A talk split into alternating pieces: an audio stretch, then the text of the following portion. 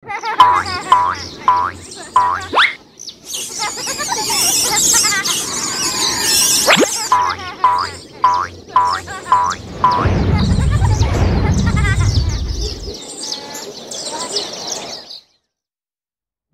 Assalamualaikum warahmatullahi wabarakatuh. Alhamdulillah, wassalatu wassalamu ala rasulillah, wa ala alihi wa man wala, amma ba' Pemirsa Asia TV yang dirahmati Allah di mana pun Anda berada, puji dan syukur kita kepada Allah Subhanahu wa Ta'ala karena atas timpahan nikmat karunia taufik dan juga hidayah, kita bisa bertemu kembali di stasiun televisi kesayangan kita bersama, Rosyad TV, saluran dakwah keluarga Islami. Dan tak lupa, semoga salawat dan salam senantiasa tercurah untuk uswah sana kita, makhluk termulia yang pernah hidup di atas dunia, Nabi kita, Nabi besar Muhammad Sallallahu Alaihi Wasallam, dan semoga salawat itu senantiasa tersambung untuk sahabat-sahabat beliau, istri-istri beliau, keluarga-keluarga beliau, dan juga orang-orang yang teguh memegang dan menjalankan sunnah beliau sampai hari kiamat. Pemirsa Asia TV yang dirahmati Allah di mana pun Anda berada, seperti biasa setiap pekannya, pada hari Kamis pukul 9.00 waktu Indonesia bagian Barat, Insya Allah Ta'ala Asia TV akan menyajikan kajian online live streaming serial kajian parenting bersama guru kita Ustadz Abu Salma Muhammad Hafizullah Ta'ala yang ditayangkan langsung dari kediaman beliau di Depok, Jawa Barat dan di streamingkan oleh Rosyad TV saluran dakwah keluarga islami. Perlu kami informasikan bagi Anda semua yang baru saja bergabung atau baru kali ini mengikuti kajian ini, serial kajian parenting ini membahas uh, tema bijak mendidik anak dan alhamdulillah kita sudah masuk pada uh, subtema mendidik anak usia 2 sampai dengan 7 tahun atau gulam dengan judul bimbingan menghadapi anak yang suka ngeyel. Insya Allah Ta'ala nanti uh, materi akan disampaikan oleh guru kita Ustadz Abu Salma Muhammad Hafizullah Ta'ala. Dan perlu kami sampaikan kajian akan kita bagi dalam dua sesi. Sesi pertama, insya Allah Ta'ala Ustadz akan menyampaikan materi mengenai subjudul yang tadi sudah kami sampaikan. Sesi kedua kami akan membuka tanya jawab bagi Anda semua pemirsa Asia TV yang saat ini sedang menyaksikan tayangan ini baik itu lewat platform digital seperti Instagram, uh, Facebook, uh, kemudian YouTube Anda bisa mengirimkan pertanyaan di kolom komentar. Namun bagi Anda yang saat ini sedang menyaksikan siaran ini di layar televisi di rumah Anda, Anda bisa menelpon di nomor telepon 0822 88 88 6630 kami ulangi di 0822 88886630 dan nomor yang sama juga bisa untuk Anda kirimkan pesan melalui WhatsApp Messenger. Baik pemirsa Asia TV di mana pun Anda berada, kami akan coba cek sambungan terlebih dahulu dengan guru kita di kota Depok. Kita akan coba sapa guru kita terlebih dahulu. Assalamualaikum warahmatullahi wabarakatuh Ustaz. Ya, Waalaikumsalam warahmatullahi wabarakatuh. Masalah. Gimana kabarnya hari ini Ustaz? Sehat Ustaz? Alhamdulillah Bang Giang baik. sehat walafiat. Mudah-mudahan antum juga sehat ya. Amin Ustaz. Baik suaranya terdengar dengan baik dan jelas ya Ustaz ya insyaallah ya. Uh, suara antum Anda bisa dengar dengan jelas. Baik Ustaz. Ustaz juga terdengar dengan jelas di kami di studio. Baik kalau begitu pemirsa Ustaz TV di mana pun Anda berada Alhamdulillah uh, Ustadz juga sudah tersambung dan kami ingatkan kembali untuk meluruskan niat bahwasanya kita hadir dan menyaksikan tayangan ini untuk menuntut ilmu berharap ridho dan ikhlas karena Allah Subhanahu wa taala dan kita berharap agar Allah mudahkan supaya siaran ini tidak terganggu sehingga kita bisa full konsentrasi menuntut ilmu pada pagi hari ini. Kalau begitu langsung saja kita akan masuk di tema bijak mendidik anak usia 27 tahun, bimbingan menghadapi anak yang suka ngeyel akan disampaikan oleh guru kita Ustadz Abu Salma Muhammad Hafizullah Ta'ala kepada Ustadz Falyatafaddol Maskura Ustadz. Nah, Tayyip Bang Yang. Bismillah, Alhamdulillah. Salatu wassalamu ala Rasulillah wa ala alihi wa sahbihi wa man walah amma ba'du. Uh, ikhwatal kiram, uh, para pendengar Rosyad TV di mana pun antum berada dan juga bagi kawan-kawan sekalian yang mengikuti kajian kita baik di media sosial uh, YouTube, Instagram ya Pertama-tama kami ucapkan Assalamualaikum warahmatullahi wabarakatuh.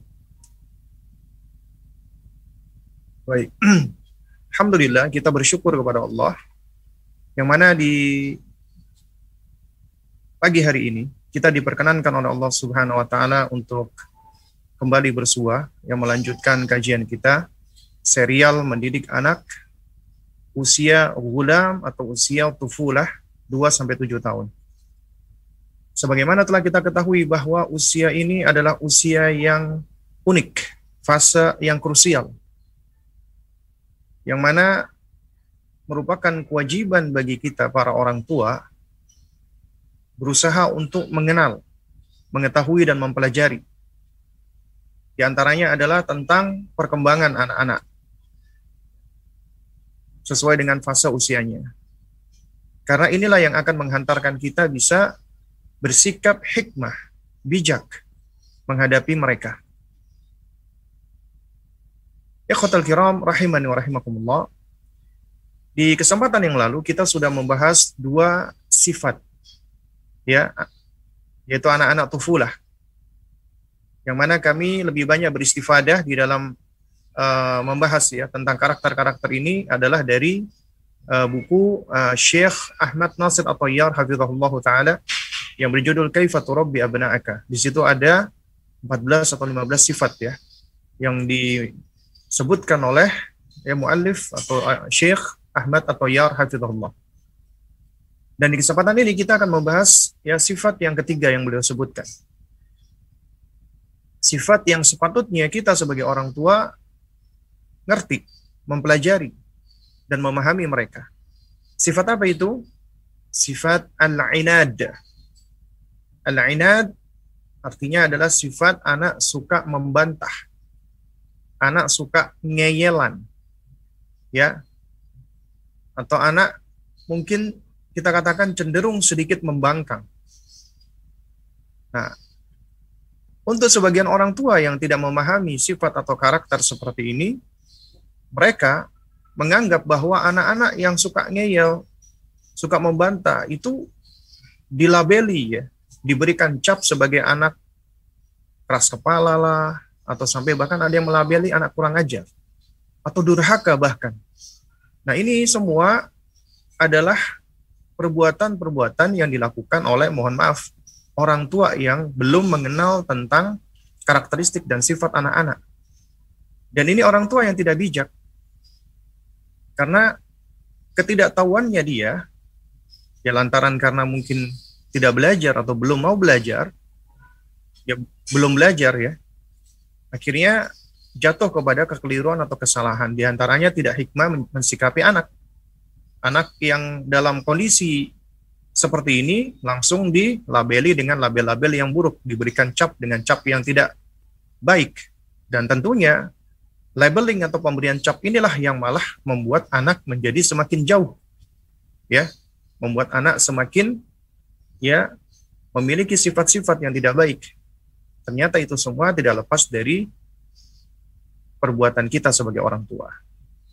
Baik uh, ikhwatal kiram rahimani rahimakumullah jika kita berbicara tentang sifat ainat pada anak sifat anak yang suka ngeyel sifat anak yang suka membantah. Ya, ini sebenarnya jika kita perhatikan dari hasil observasi, dari hasil pengamatan dan juga penelitian terhadap ya human behavior, perilaku manusia dalam hal ini adalah anak-anak. Ternyata ini adalah sifat atau karakteristik yang lazim kita dapati pada anak-anak, apalagi di usia dini, usia 3, 4, 5, 6 tahun. Di mana mereka berada dalam fase yang disebut dengan fase egosentris. Artinya mereka menganggap diri mereka sebagai center, pusat dari perhatian. Sehingga mereka selalu minta untuk diperhatikan. Ya, dan ini adalah suatu fase yang alami sesuai dengan sunnah kauniyah Allah. Karena Allah ciptakan manusia itu berkembang tiap perkembangan itu memiliki ciri dan keunikan masing-masing yang sepatutnya kita sebagai orang tua bisa memahaminya dan mempelajarinya. Dan inilah yang akan menghantarkan kita bisa bersikap bijak. Ya, taib. Uh, kiram, rahimani wa rahimakumullah. Ya. Jika kita perhatikan ya, sifat membantah anak, sifat ngeyel anak, seperti misalnya anak suka berargumen, atau anak tidak mematuhi ucapan orang tuanya, atau anak ketika dilarang malah melakukan. atau ketika anak diperintah nggak mau melakukan. Artinya dia melakukan apa yang sebaliknya dari instruksi orang tuanya, ya. Kemudian juga selain itu ya mereka juga sering kali protes dengan orang tuanya. Ya. Ini adalah fase yang lazim, yang umumnya dialami oleh anak-anak di usia tufula ini, di atas dua tahun. Yang perlu kita pahami bersama, anak-anak di usia ini adalah mereka dalam fase sedang mengenal dirinya, mempelajari dirinya, dan mempelajari sekelilingnya. Ya. Dan di antara cara mereka untuk mengenali dirinya adalah mereka belajar dari apa yang ada di sekelilingnya. Mereka bereaksi dan merespon, termasuk dengan apa yang dilakukan oleh orang tuanya. Mereka itu sedang berusaha untuk mempelajari nih perasaannya mereka, emosi mereka, keinginan mereka. Karena kita tahu ya, Allah Subhanahu wa taala karuniakan kepada anak-anak manusia, ya termasuk orang-orang dewasanya, itu yang namanya al-ghariza, al-gharaiz, naluri-naluri atau insting. Nah, di antara naluri yang Allah berikan kepada kita itu adalah gharizatul baqa. Naluri untuk kita bisa mempertahankan diri, self defense. Ya.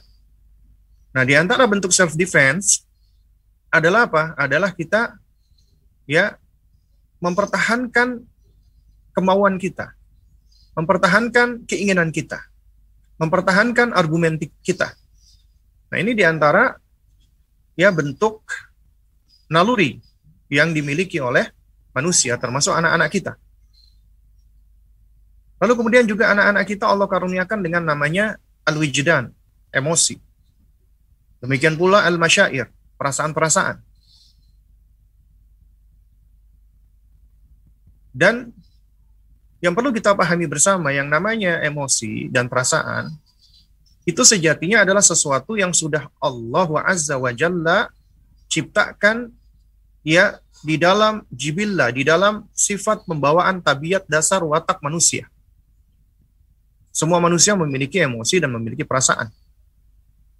Dan secara asal, emosi dan perasaan manusia itu wasat, netral. Ini sebagaimana yang disampaikan oleh Abu Hamid Al-Ghazali rahimahullahu taala.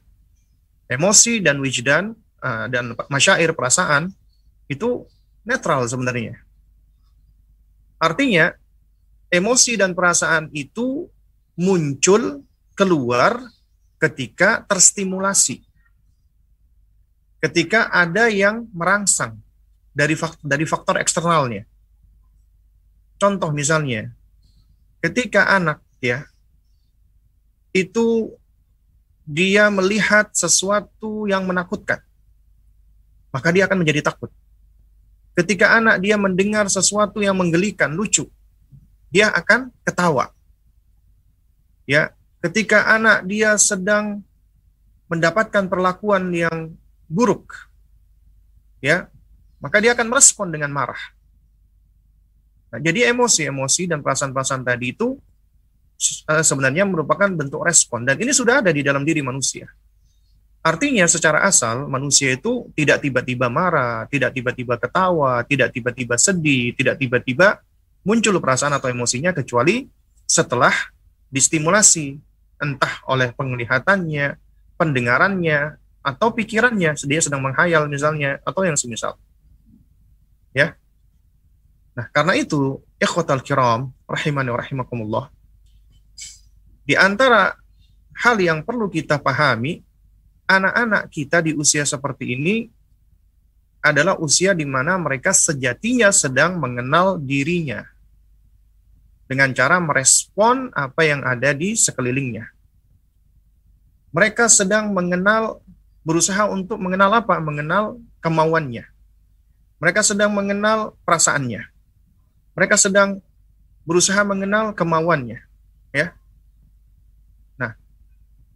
Ini adalah suatu proses alami. Ya.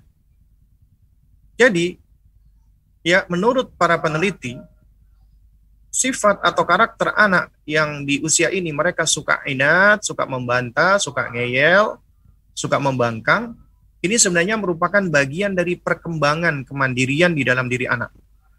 Ini bagian dari proses belajar mereka di dalam merespon dan menghadapi kehidupan.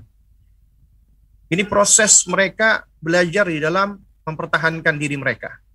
Ini proses mereka di dalam takayuf, mengadjust, beradaptasi.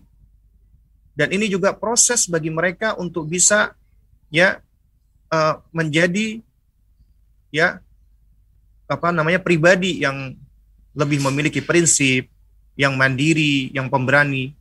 Nah, itu di antaranya dari apa? Dari sifat-sifat seperti ini. Asal, nih garis bawahi, asal orang tua mengarahkannya. Kenapa? Karena apabila orang tua keliru di dalam mengarahkan sifat inat ini, sebagaimana sifat-sifat sebelumnya ya, seperti syiddatu taklid, anak itu peniru yang ulung. Kalau kita contohkan keburukan ya mereka akan mencontoh keburukan. Juga seperti kasratul harokah, kalau misalnya kita tidak berikan mereka aturan-aturan atau batasan-batasan, maka tentunya ya juga akan menimbulkan hal-hal yang kurang baik, pertumbuhan dan perkembangan yang yang kurang tepat, yang kurang pas buat mereka. Demikian pula apabila anak-anak ini mereka tidak diberikan arahan dan bimbingan, ya maksudnya dari orang tua itu tidak tidak apa namanya tidak mendidik anaknya, ya dan tidak menghadapi anak dengan bijak, ketika anak di dalam fase inat, di dalam fase suka ngeyel, maka dikhawatirkan anak bisa jatuh kepada dua hal. Yang pertama, ya, sisi di mana anak akan menjadi sosok yang benar-benar pembangkang, pemberontak, hingga baliknya. Ya, ini biasanya adalah sebagai respon anak-anak terhadap orang tua yang otoriter, orang tua yang tiran. Ya, yang memberikan aturan-aturan dengan cara memaksa. Dengan alasan kami adalah orang tua, tugas kamu adalah nurut sama orang tua. Kamu nggak boleh bangkang, nggak boleh ya, nggak boleh ngeyel, nggak boleh membantah, nurut sama orang tua. Ya, akhirnya anak dalam kondisi seperti ini dia merasa tertekan. Ya, dia tidak bisa uh, mengeksplor dan tidak bisa dia mengekspresikan ya perasaannya dia, emosinya. Akhirnya dia merasa tertekan dan ketika itu dia merasa lemah karena dia masih anak-anak. Ketika dia sudah merasa bahwasanya dirinya sudah cukup kuat, maka dia akan melepaskan itu semua. Sehingga dia akan menjadi anak-anak yang yang suka membantah ngeyel dan apabila ini, dilakukan di fase usia balik, maka ini adalah bisa jatuh kepada kedurhakaan. Maka anak bisa jatuh kepada durhaka kepada orang tuanya. Dan inilah yang dimaksud ketika uh, perbuatan-perbuatan ini dilakukan oleh mereka-mereka yang telah dewasa atau yang telah balik ya. Ketika mereka sering membantah orang tuanya. Tapi ketika anak-anak, maka ini adalah suatu hal yang ma'dzur dan ma'fu. Mereka diberikan uzur dan diberikan maaf. Karena mereka masih anak-anak. Dan mereka belum tahu tentang konsep mana yang baik dan tidak. Dan mereka sedang mengenal dirinya. Mereka sedang mengenal emosinya, perasaannya. Nah, oleh karena itu, ya di sisi pertama ini, anak-anak akan menjadi sosok pemberontak ya. Dan di sisi yang lainnya ya orang tua yang terlalu permisif orang tua yang ter, yang terlalu memanjakan anak ya kemudian selalu mengalah kepada anak nggak punya prinsip di dalam pendidikan maka akan menjadikan anak-anak yang pasif dan sangat bergantung kepada orang tuanya nggak punya kemandirian. Ya tidak memiliki uh, apa namanya sifat otonom. Dia selalu butuh dengan orang lain, termasuk orang tuanya. Dan orang tua yang permisif seperti inilah yang menyebabkan anak-anak itu akhirnya akan menjadi sosok yang gagal dalam tanda kutip ya di dalam menghadapi kehidupan. Kenapa? Karena dia nggak bisa menghadapi kehidupan ini sendiri. Karena dia selalu butuh dengan orang lain, termasuk orang tuanya. Dan ini adalah buah dari kekeliruan orang tua. Lalu bagaimana sikap kita sebagai orang tua muslim ya harus wasat, pertengahan. Harus hikmah. Ya. Baik. Ikhwatal kiram, rahimani rahimakumullah. Ya, ternyata tidak sedikit orang tua itu menganggap bahwa anak yang suka membantah atau ngeyel itu dianggap sebagai bentuk kurang ajar anak kepada orang tuanya. Padahal ini masih anak-anak ini, masih usia tufula. atau dianggap sebagai bentuk kedurhakaan kepada orang tuanya. Ya. Dan ini adalah suatu hal yang tidak benar. Ya. Karena apa? Karena anak-anak yang inat ini adalah fase alami mereka. Fase perkembangan yang lazim mereka alami. Dan ini harus difahami oleh kita sebagai orang tua. Karenanya orang tua yang cenderung ya eh, langsung memarahi anak, menghukum anak, bahkan melabeli anak ketika mereka menghadapi anak-anak yang suka ngeyel ini, dampaknya anak ketika tumbuh ke fase berikutnya itu memiliki sifat-sifat yang tidak baik.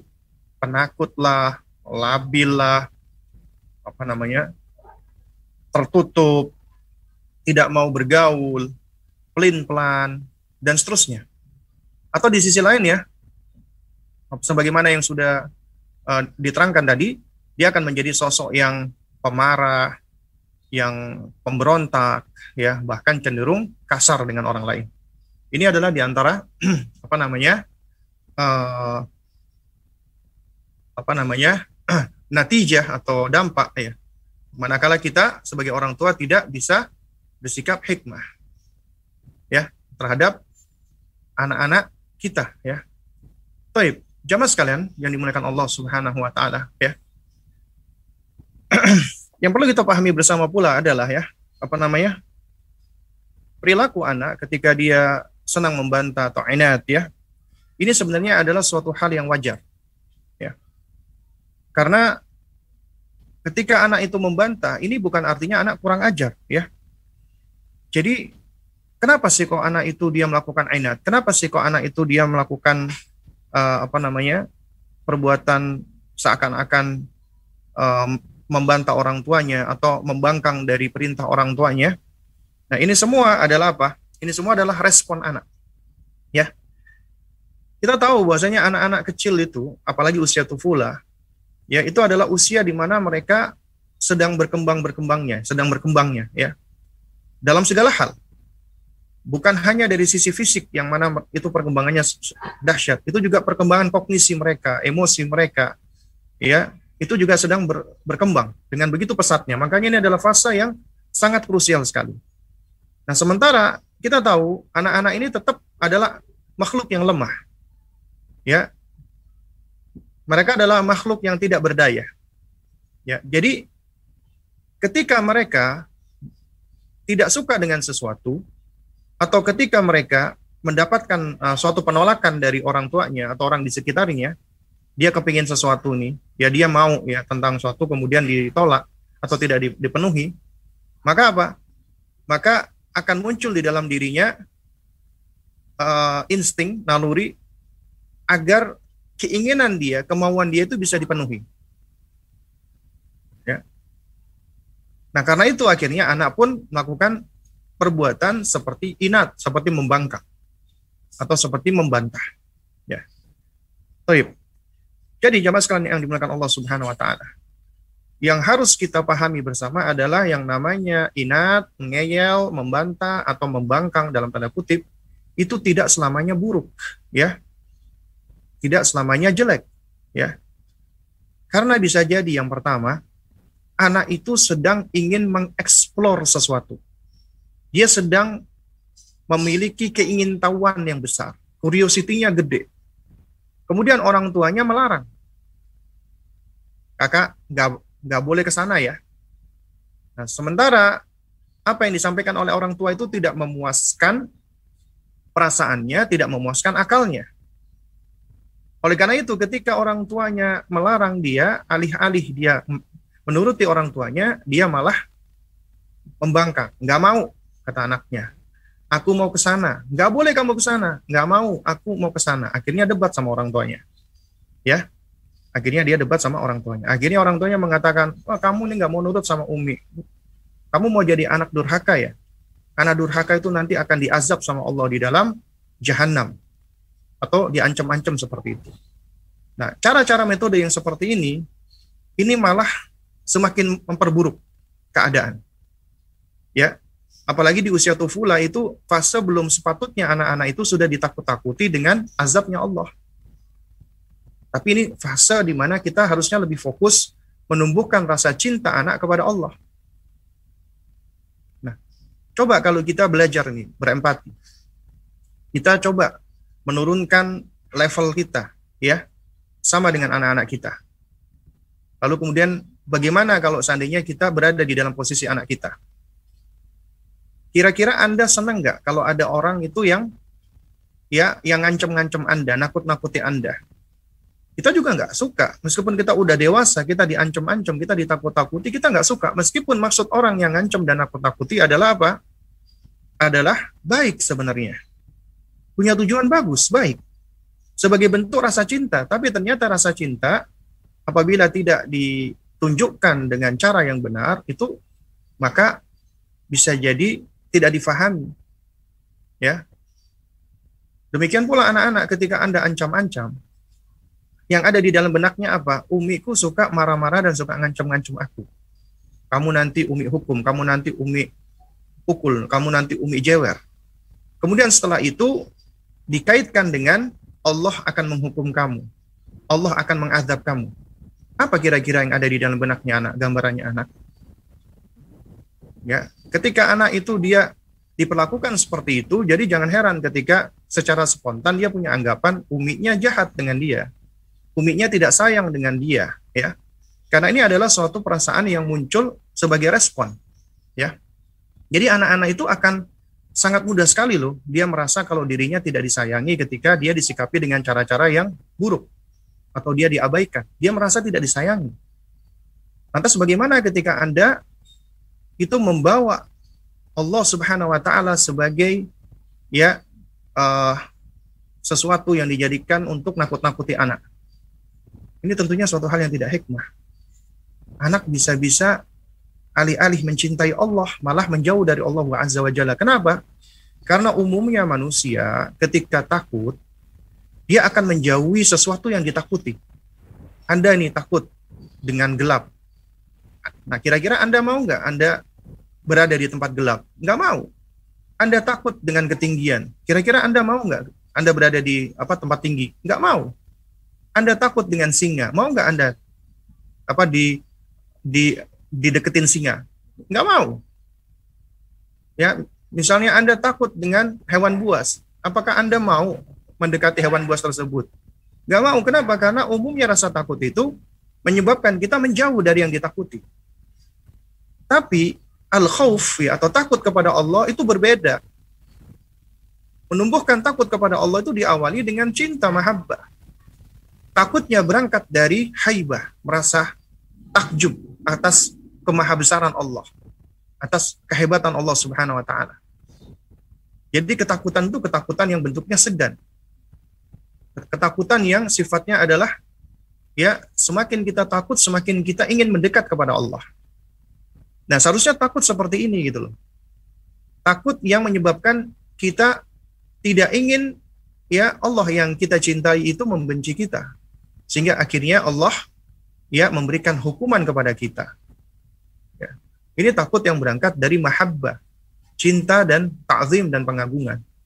Nah ini yang seharusnya kita fokuskan ketika kita hendak mendidik anak-anak kita. Kadang-kadang orang tua itu sudah takhwif yang melakukan upaya menakut-nakuti anak dari semenjak kecil dengan cara yang gak hikmah. Apalagi anak ditakut-takuti dengan setan, dengan jin, ataupun dengan kuntilanak lah atau yang semisalnya. Ini metode atau cara yang tidak benar di dalam pendidikan yang dapat merusak bukan hanya akidah, termasuk juga karakter anak, sifat-sifat anak. Anak menjadi penakut, ya.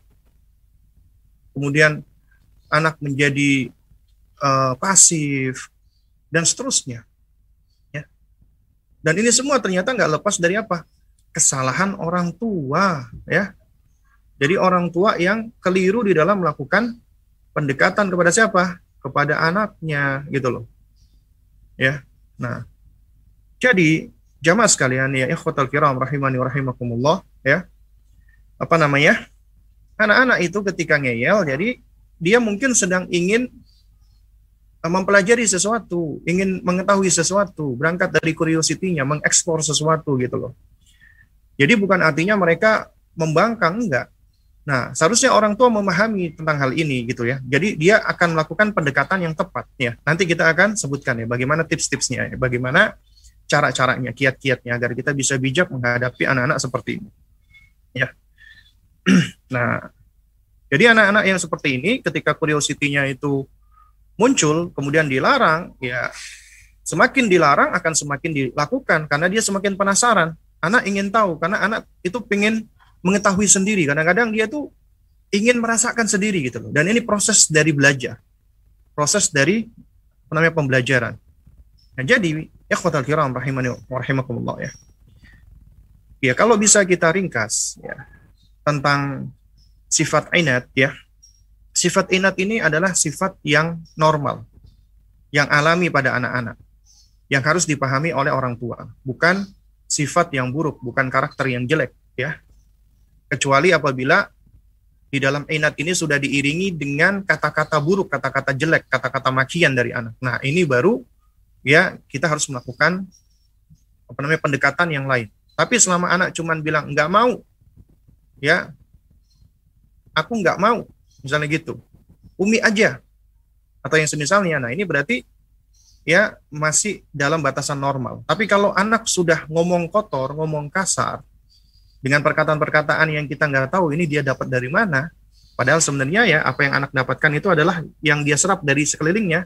Nah berarti kita harus ya melakukan ekstra perhatian lagi.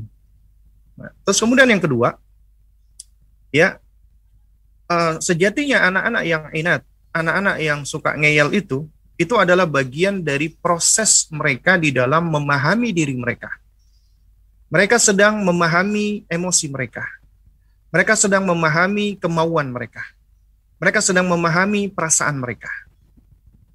Nah, karena itu tugas kita sebagai orang tua harus memfasilitasi mereka agar mereka semakin mengenal dan bisa mengidentifikasi hal ini, emosi mereka, perasaan mereka. Ya, karena apabila tidak, maka mereka akan kesulitan ini untuk bisa mengungkapkan perasaannya, mengungkapkan keinginannya, mengungkapkan gagasannya, dan menunjukkan emosinya. Artinya, kita harus memfasilitasi mereka agar mereka mampu untuk mengidentifikasi perasaan dan emosi mereka secara verbal Umi, aku lagi kesel. Umi, aku hari ini sedih. Umi, aku marah. Ini penting. Karena anak-anak yang mampu dia untuk melabeli emosinya, dia akan lebih baik di dalam mengekspresikannya, di dalam mengungkapkannya. Beda sama anak yang dia nggak bisa, nggak tahu. Ngantuk marah, lapar marah, pingin ke kamar mandi marah. Jadi sama seperti bayi. Bayi itu, ya, uh, ketika menginginkan apa pun itu dengan cara tangisan. Ya. Dan ini sebenarnya mekanisme yang yang alami dan kemudian akan berkembang karena Allah Subhanahu wa taala berikan kepada makhluk ya dan makhluk ini senantiasa terus berkembang. Potensi-potensi dan instrumen yang sudah Allah Allah berikan. Nah, tugas kita adalah menstimulasi itu tadi gitu loh. Jangan anak itu ya diabaikan dan dibiarkan kemudian malah perkembangannya tidak sebagaimana mestinya. Sehingga anak-anak itu ketika ingin melakukan apa pun, ya ingin sesuatu selalu dengan cara marah atau nangis. Ya, kenapa? Karena dia nggak bisa, nggak mampu mengungkapkan keinginannya.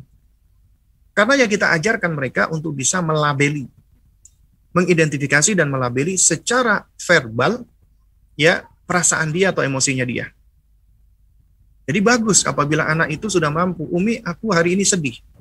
Nah, karena kita tahu nih ya, di antara perkembangan bahasa anak, sebelum bahasa verbal, sebelum bahasa linguistik, itu mereka belajar bahasa simbol. Karena ini adalah ya eh, kemampuan pemahaman manusia yang paling primitif dalam tanda kutip ya. Mereka itu lebih mampu untuk memahami suatu simbol dibandingkan kombinasi dari huruf. Ya. Makanya anak akan lebih tahu gambar apel daripada tulisan apel. Kenapa? Karena lebih konkret gambar apel tersebut. Jadi sesuatu yang yang yang bersifat ya simbol dari objek dan itu lebih konkret itu lebih mudah dipahami. Nah, jadi sebelum anak memahami bahasa verbal, bahasa linguistik, anak itu lebih lebih bisa memahami bukan cuma anak, kita juga ya. Bahasa nonverbal. Di antaranya bahasa gestur tubuh, ekspresi wajah, ya, mimik wajah, itu adalah di antara bahasa. Ya. Artinya kita itu bisa tahu loh dari wajah orang ketika orang ini lagi sedih, lagi marah, lagi ngambek, lagi kecewa, lagi capek, lagi ngantuk dan seterusnya. Itu bisa dilihat sebenarnya dari air muka wajah, ya. Nah, ini adalah kemampuan yang sebenarnya dimiliki oleh anak. Makanya anak itu sebenarnya ketika dia masih uh, usia sibian, yang masih disusui oleh ibunya, anak itu lebih mampu untuk berempati dengan ibunya. Lebih mampu untuk merasakan apa yang dirasakan oleh ibunya. Apalagi selama 9 bulan dia tumbuh berada di dalam tubuh ibunya, bisa merasakan detak jantung ibunya. Nah, karena itu seorang anak itu lebih dapat merasakan ketika ibunya lagi gundah gulana, lagi gelisah. Padahal anak ini belum bisa ngomong, ya dia bisa merasakan kegalauan ibunya. Misalnya ibunya ini lagi berantem sama suaminya. Anak juga akan ikut gelisah biasanya. Karena dia bisa merasakan kegalauan-kegalauan ibunya. Ya, karena bondingnya anak ketika itu sangat kuat. Nah, biasanya semakin lama, semakin lama, nah bonding ini akan semakin berkurang sebenarnya. Oleh karena itu tugas kita adalah mempertahankan bonding tadi dengan anak. Ya. Nah, di antaranya adalah dengan kita terus memperkuat ya komunikasi kita.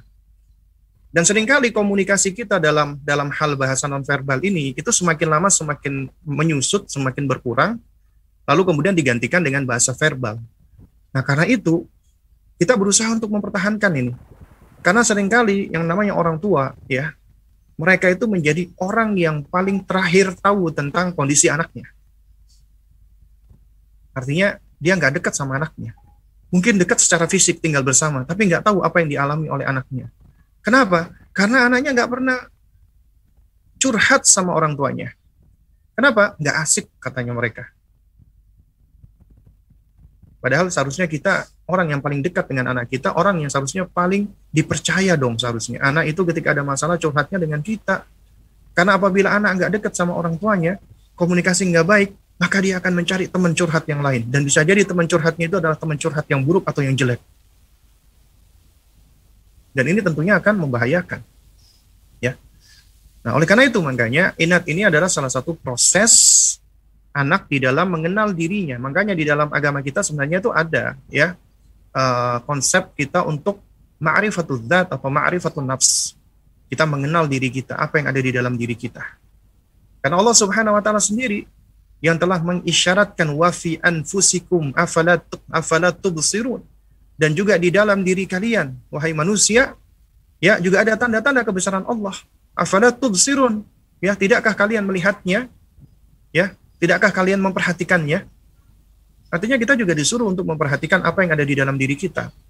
Bagaimana Allah Subhanahu wa taala begitu sempurnanya di dalam ya melakukan penciptaan manusia. Fi ahsani taqwi dalam bentuk rupa struktur komposisi semuanya. Itu yang paling baik. Dan ini yang sering kali kita kita lupakan. Ya. Nah, jadi ya khotal kiram ya sejatinya inat itu adalah merupakan mekanisme anak di dalam proses mengenal dirinya, kemauannya, emosinya dan ini tugas kita untuk mengarahkan dan memfasilitasi. Ya, jadi agar mereka bisa mengenal emosinya, perasaannya dan mereka bisa mengungkapkannya. Dan mereka setelah mampu untuk mengenali dan bisa mengungkapkan takbir ya ataupun uh, menjelaskan perasaannya secara verbal mereka juga mampu untuk me, apa namanya me, mengatur memanage regulasi perasaan dan emosinya sehingga mereka akan jadi anak-anak yang mampu untuk mengendalikan perasaan atau emosinya ya dan sementara anak-anak yang nggak pernah diajarkan seperti ini akan cenderung untuk menjadi anak-anak yang suka berteriak-teriak, suka marah-marah, tantrum, dan yang semisalnya. Baik. Lalu kemudian yang juga nggak kalah penting perlu kita ketahui yang namanya inat ya, sebagaimana sudah diterangkan tadi, itu adalah bagian dari proses anak di dalam mengeksplor ya alam sekelilingnya. Ya, karena dia memiliki rasa ingin tahu yang besar. Allah jadikan dia makhluk yang pembelajar. Dan, dan di antara proses pembelajaran itu pembelajaran ini diawali dari apa? Curiosity, rasa ingin tahu yang sangat besar. Ya. Nah, oleh karena itu makanya ketika anak ah, ketika anak afan, ketika orang tua memberikan instruksi, itu di dalam agama kita ternyata metode pemberian instruksi, metode di dalam pemberian amar wa nahi ya perintah dan larangan itu ternyata ada dawabitnya. Gak cuma sekedar ngelarang gak cuma sekedar memberikan perintah tidak ya. Tapi di situ ada dawabitnya ada caranya ada seninya ada metodenya ya dan itu juga harus hikmah sesuai dengan kondisi orangnya karena kadang-kadang ada kondisi di mana yang lebih efektif adalah memberikan perintah, tidak memberikan larangan. Ada yang efektif memberikan larangan tanpa perintah. Ada yang efektif memberikan larangan sekaligus perintah. Kadang-kadang ada yang tidak perlu memberikan larangan dan perintah, tapi memberikan sugesti, memberikan targhib, dan seterusnya. Dan anak-anak itu sebenarnya ya mereka lebih baik kita menghindarkan ya uh, semacam instruksi-instruksi ya apa kepada mereka, baik itu perintah atau larangan ya kecuali apabila ada hajatnya. Lebih baik kita memberikan arahan-arahan atau bimbingan-bimbingan. Ya. Contohnya gimana? Ya. Ini sebenarnya di dalam uh, kajian kita ya yang uh, al-qawaid uh, apa namanya? apa namanya? Uh, al-qawaid uh, apa namanya? Namanya? Adz-dzahabiyah fi tarbiyatil abna ya. Kaidah-kaidah emas di dalam pendidikan anak. Nah, itu di situ juga diterangkan ya bahwasanya uh, di antara metode ketika kita memberikan perintah dan larangan, anak-anak itu cenderung untuk menolaknya. Kenapa? Karena punya karakter ini, Ainat. Contoh misalnya, ya, ayo, ya, bereskan mainan kamu. Ya, itu berbeda dengan misalnya kita menyampaikan, Masya Allah, ya, anak Umi sudah selesai bermain. Alangkah lebih baik lagi kalau mainannya ini dirapikan supaya besok ketika bermain ya itu bisa lebih lebih nyaman lagi atau yang semisalnya. Ya, itu tentunya suatu hal yang yang yang jauh lebih baik gitu loh. Juga sama ketika anak misalnya lagi coret-coret tembok, ya alih-alih kita mengatakan jangan coret-coret tembok kamu gitu kan. Ya akhirnya ini sebenarnya tanpa kita sadari kita sudah membunuh kreativitas anak. Nah, malah yang lebih bagus adalah Masya Allah. Ini namanya apa? Nah, ini namanya spidol. Spidol memang uh, apa namanya untuk nulis-nulis, ya. Kita ini kita jelaskan, kita berikan maklumat, kita sugesti dia, kemudian kita terangkan tembok bukan tempat untuk coret-coret gitu ya. Nah, tapi kamu kalau mau coret-coret adalah di kertas. Nah, ini adalah metode cara gitu loh. Nah, memang sering kali orang tua itu banyak kesulitan ya untuk melakukan pendekatan-pendekatan seperti ini. Sehingga ini memang suatu hal yang bisa kita pelajari dari pengalaman atau belajar dari pengalaman orang orang lain ketika mereka melakukan pendekatan kepada anak-anaknya. Ya. Nah, tapi kalau itu masalah prinsip, masalah akidah, maka kita harus tegas. Ya, kalau kita harus memberikan larangan, kasih larangan yang tegas. Tapi perlu kita ketahui sesuatu yang sering diulang-ulang itu tidak akan efektif biasanya, akan hilang keefektifannya. Karena itu makanya supaya efektif kita jangan terlalu sering ya memberikan larangan-larangan kepada anak kecuali apabila memang dibutuhkan. Ya, yang lebih baik adalah kita memberikan apa? Kita memberikan sugesti, memberikan tarhib ya. Ini yang yang lebih tepat untuk anak-anak usia dini. Dan jangan dipahami bukan artinya memberikan larangan itu nggak boleh, bukan boleh ya. Tapi tentunya harus sesuai dengan porsinya. Harus belajar bijak ya dalam rangka untuk menyampaikan uh, apa namanya yang kita inginkan karena yang namanya memberikan larangan perintah itu adalah wasilah. Tujuannya adalah anak kita bisa menjadi anak yang baik, anak yang dekat dengan Allah, anak yang soleh. Nah, di antara tujuannya adalah kita memberi apa? Kita memberikan peringatan, kita memberikan perintah, kita memberikan larangan, kita memberikan uh, motivasi, atau kita memberikan ancaman dan seterusnya. Ini adalah wasilah, sarana. Ya. Artinya apabila tujuannya itu sudah tercapai, maka ya apa namanya? Jadi sarana-sarana itu ya sudah nggak sudah nggak perlu kita pakai apabila sudah tercapai tujuannya. Misalnya kita mempergunakan satu sarana sudah tercapai, maka kita nggak perlu untuk untuk apa? Untuk untuk mempergunakan sarana yang lain, ya. Jadi intinya ini bagaimana kita bisa ya bisa mempergunakan sarana-sarana yang ada itu dengan cara yang hikmah ya.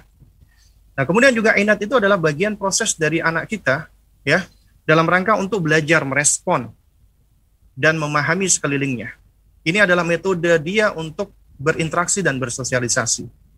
Ya, jadi ini adalah suatu hal yang alami. Ya. Nah, terus kemudian ingat ya jamaah sekalian, ikhwatal kiram rahimani rahimakumullah. Juga di antara yang sering kali tidak dipahami oleh orang tua adalah kenapa anak itu inat? Karena kurang perhatian. Dia merasa tidak diperhatikan oleh orang tuanya. Akhirnya itu bentuk protes mereka dan ini cara yang mereka ketahui agar mereka bisa mendapatkan perhatian dari orang tuanya. Kita tahu ya anak-anak itu kan kemampuan bernalarnya, kognisinya terbatas, sehingga mereka akan cenderung untuk mempergunakan cara yang bisa mereka ketahui, yang bisa mereka pakai. Dan sering kali yang diinginkan oleh manusia itu, oleh anak kita adalah apa? Perhatian dari orang tuanya. Mereka menginginkan perhatian dari orang tuanya. Sehingga ketika mereka merasa tidak mendapatkan perhatian ini, apa yang mereka lakukan? Ya mereka melakukan hal-hal yang mungkin menurut orang tua dianggap nakal. Tapi sejatinya ya kita itu tidak meyakini adanya anak nakal di usia tufula. Tidak ada anak nakal di usia ini, usia kanak-kanak. Kenapa?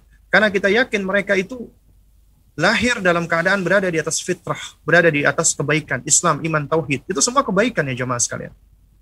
Kenapa kok ada sifat-sifat yang jelek? Itu karena mereka serap dari sekelilingnya, sementara mereka belum tahu antara yang baik dan yang buruk.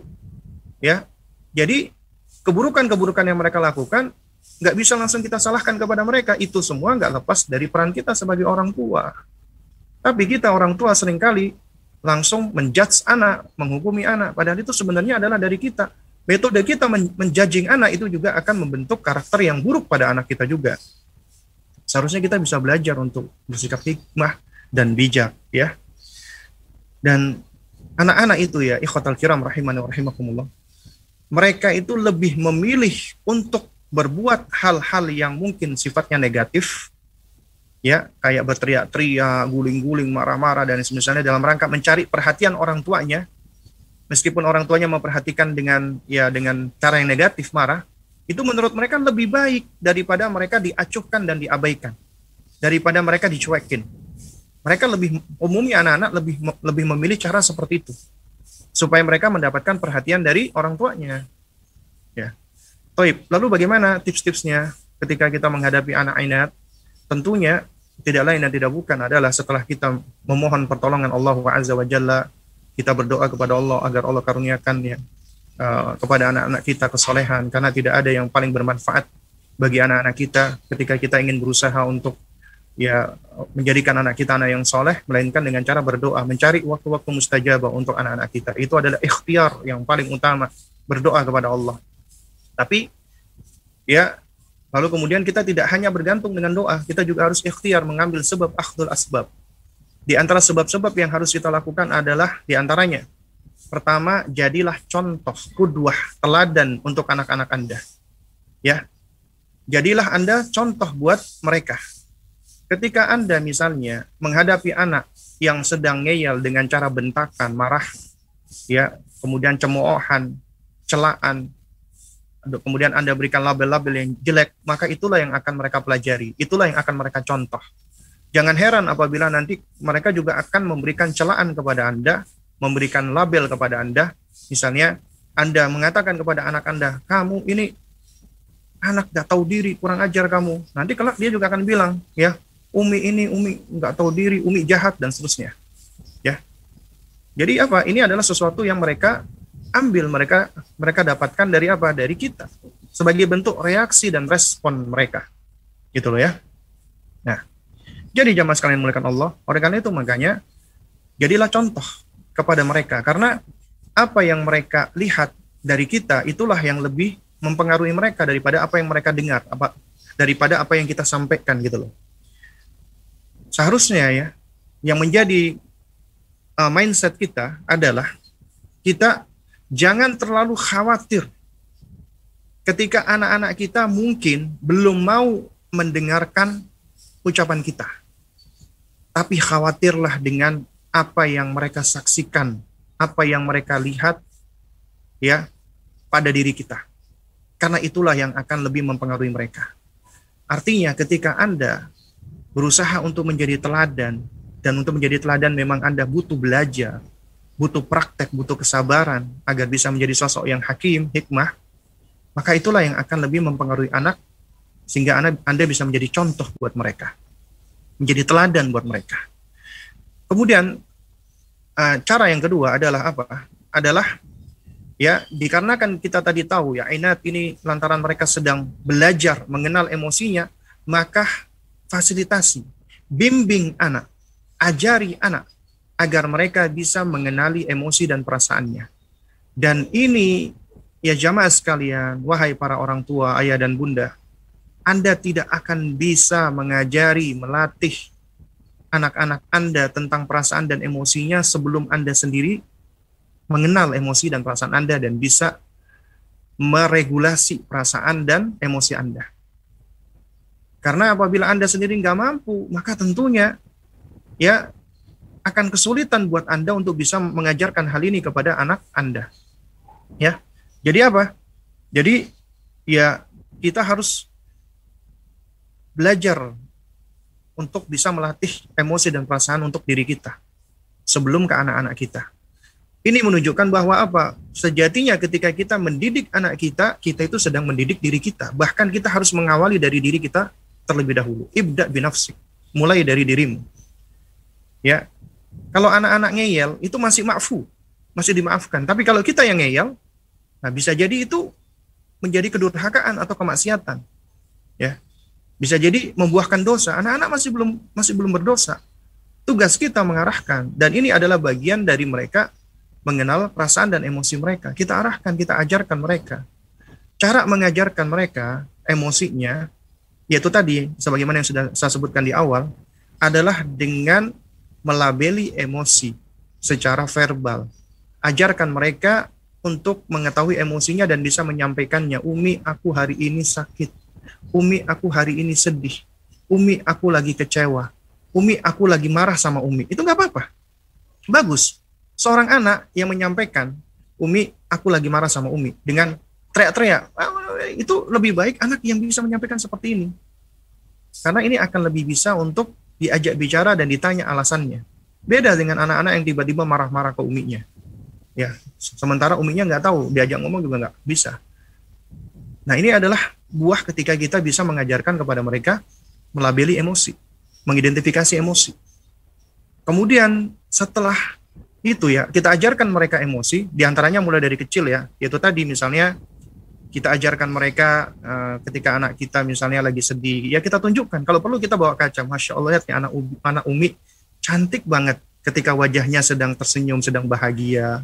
Ya kamu sekarang lagi bahagia. Ketika dia lagi sedih misalnya boleh, hm, kenapa ini kok kok wajahnya apa kelihatan sedih gitu kan? Jadi kita secara apa namanya, secara ini ya kita sudah mengajar, mengajarkan mereka tentang labeling emosi, melabeli emosi mereka.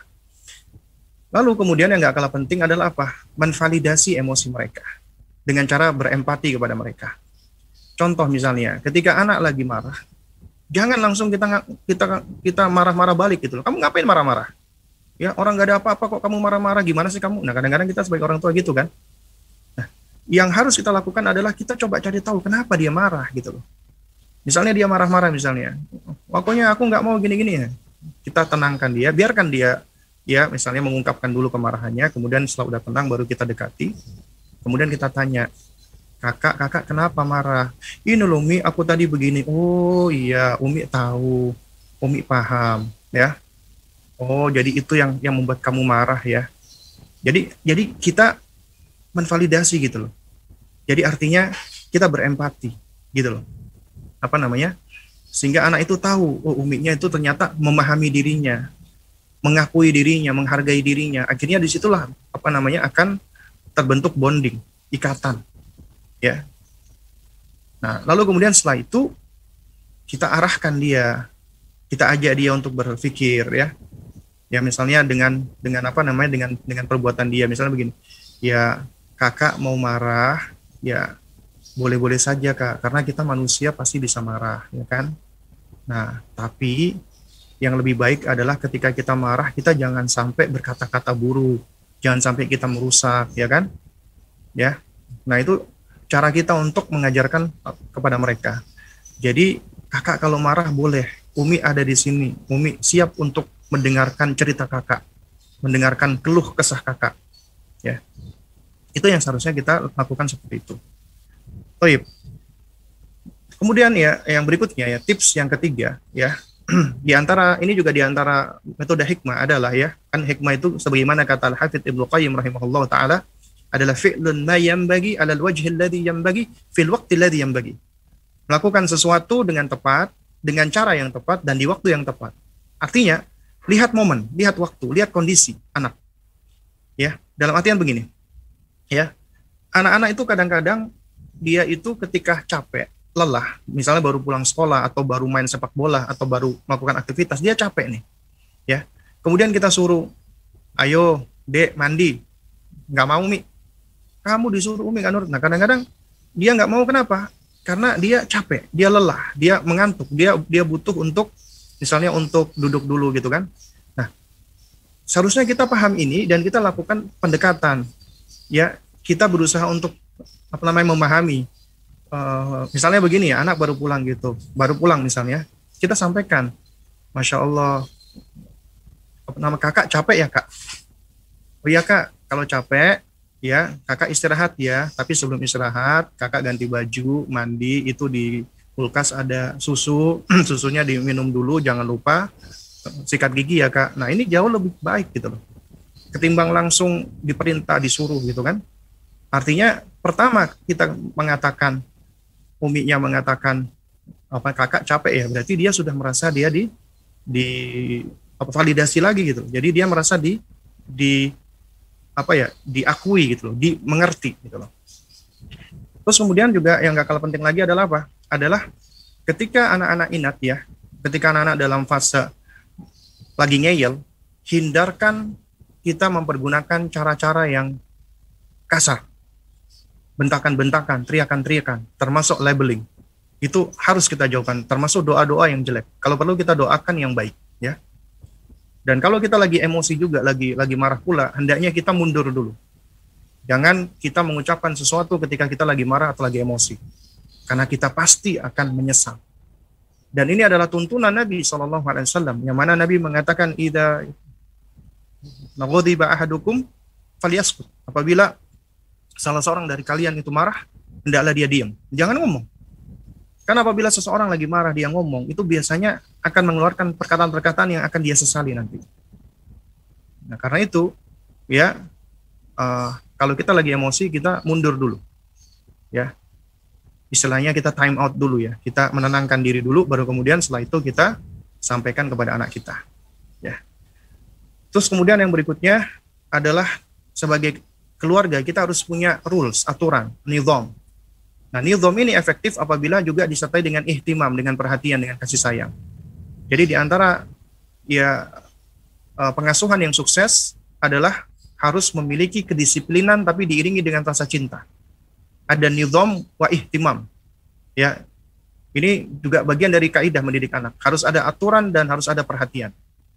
Anda hanya memberikan peraturan tanpa ada kasih sayang dan perhatian, itu Anda menjadi orang yang tiran. Anak akan menjadi cenderung memberontak-pemberontak. Sementara apabila Anda cuma memberikan ya kasih sayang, ihtimam, tapi tidak tidak berikan aturan, anak akan akan merasa tinggal di lingkungan yang liberal, orang tuanya permisif. Dia akan menjadi anak yang manja, nggak punya kemandirian, kacau hidupnya. Karena itu harus berikan aturan-aturan dan berikan perhatian. Kemudian ketika memberikan aturan, ajak anak serta sertakan anak di dalam bersepakat. Karena ini banyak manfaatnya. Ketika Anda mengajak mereka untuk bersepakat, ya, ini akan melatih mereka bertanggung jawab. Ini juga akan uh, menumbuhkan kepercayaan diri mereka. Ini juga akan menumbuhkan bahwasanya mereka dihargai, diakui oleh orang tuanya. Ya, dan ini juga akan mengajarkan mereka konsekuensi dan terus banyak manfaatnya ketika Anda ajak mereka bersepakat dengan Anda. Lalu kemudian yang nggak kalah pentingnya lagi, tips berikutnya, perhatikan ya tentang uh, sumber-sumber uh, informasi anak. Baik itu gadgetnya, gawainya, temannya, karena itu bisa menjadi biang kerok sifat anak suka ngeyel. Kadang-kadang kita tahu ini ada anak kita yang Masya Allah kita udah didik dengan cara baik. Lalu kemudian dia dipengaruhi oleh temennya. Ngelihat temennya itu ternyata ya uh, suka diberi oleh orang tuanya setelah dia merengek-rengek kepada orang tuanya. Misalnya, Umi aku mau beli es krim. Wah kamu beli es krim terus, terus dia nangis. Terus akhirnya dikasih sama uminya. Kemudian dia contoh temennya tadi, dipraktekkan. Ya, Nah makanya kita juga harus hati-hati. Kita harus harus harus apa aware dengan hal ini. Apalagi juga tontonan-tontonan baik itu di TV atau di YouTube itu bisa mempengaruhi anak. Ya. Nah, apalagi Anda mempertontonkan acara-acara kartun tapi ternyata tidak cocok buat anak-anak, bahkan banyak mengandung mukhalafat ya. Hal-hal yang menyelisih syariat. Anda mempertontonkan Tom and Jerry misalnya, di situ kan banyak apa perbuatan sadis tuh. Ya, atau Anda mempertontonkan ya film-film kartun barat tapi ternyata mereka menunjukkan sifat-sifat yang nggak layak, nggak beradab kepada orang tuanya. Ya. Nah, terus kemudian juga yang nggak kalah penting ya jamaah sekalian adalah apa? Adalah metode. Ketika misalnya anak itu ngeyel menginginkan sesuatu, nah itu kita harus belajar nih teknik. Makanya di dalam kaidah yang pernah kita bahas ya, yaitu tentang kaidah-kaidah emas di dalam mendidik anak, yang namanya tarbiyah itu adalah handasa, teknik. Ya, itu juga fannun ya, seni. Jadi kita perlu belajar nih bagaimana teknik-tekniknya dan ini memang suatu hal yang sifatnya ada, non ibadah.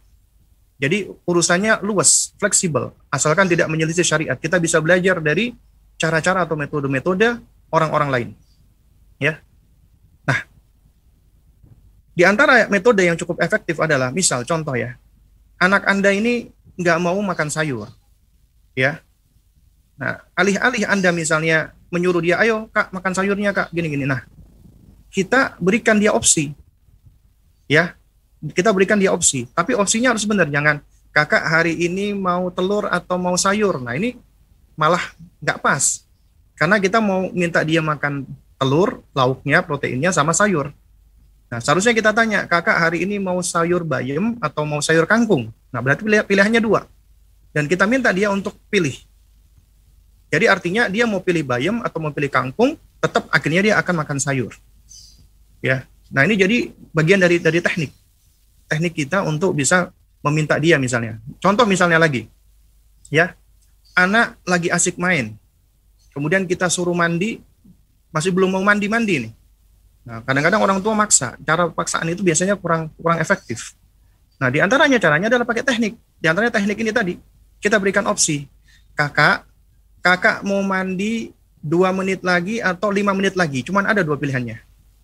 Ya, dua menit lagi atau lima menit lagi. Nah, dia mikir, aku mau misalnya lima menit lagi, oh ya udah, kita berikan dia kesempatan, ya Berarti artinya tetap dia akan mandi meskipun dua menit lagi atau lima menit lagi gitu loh, ya. Nah, jadi ini ada di antara metode atau cara-caranya. Lalu kemudian bagaimana apabila anak-anak itu udah dikasih tahu tetap masih ngeyel, masih nggak mau mendengarkan, ya? Nah, di antara cara yang cukup efektif adalah anak-anak usia tufula ini kan butuh perhatian orang tuanya, apalagi ibunya, ya. Jadi mereka itu butuh perhatian perhatian Anda gitu loh. Artinya, manakala anak Anda Anda biarkan, Anda diamkan, dia akan merasa lebih galau, lebih sedih, lebih apa lebih merasa nggak nyaman daripada Anda omel-omelin, daripada Anda marah-marahin.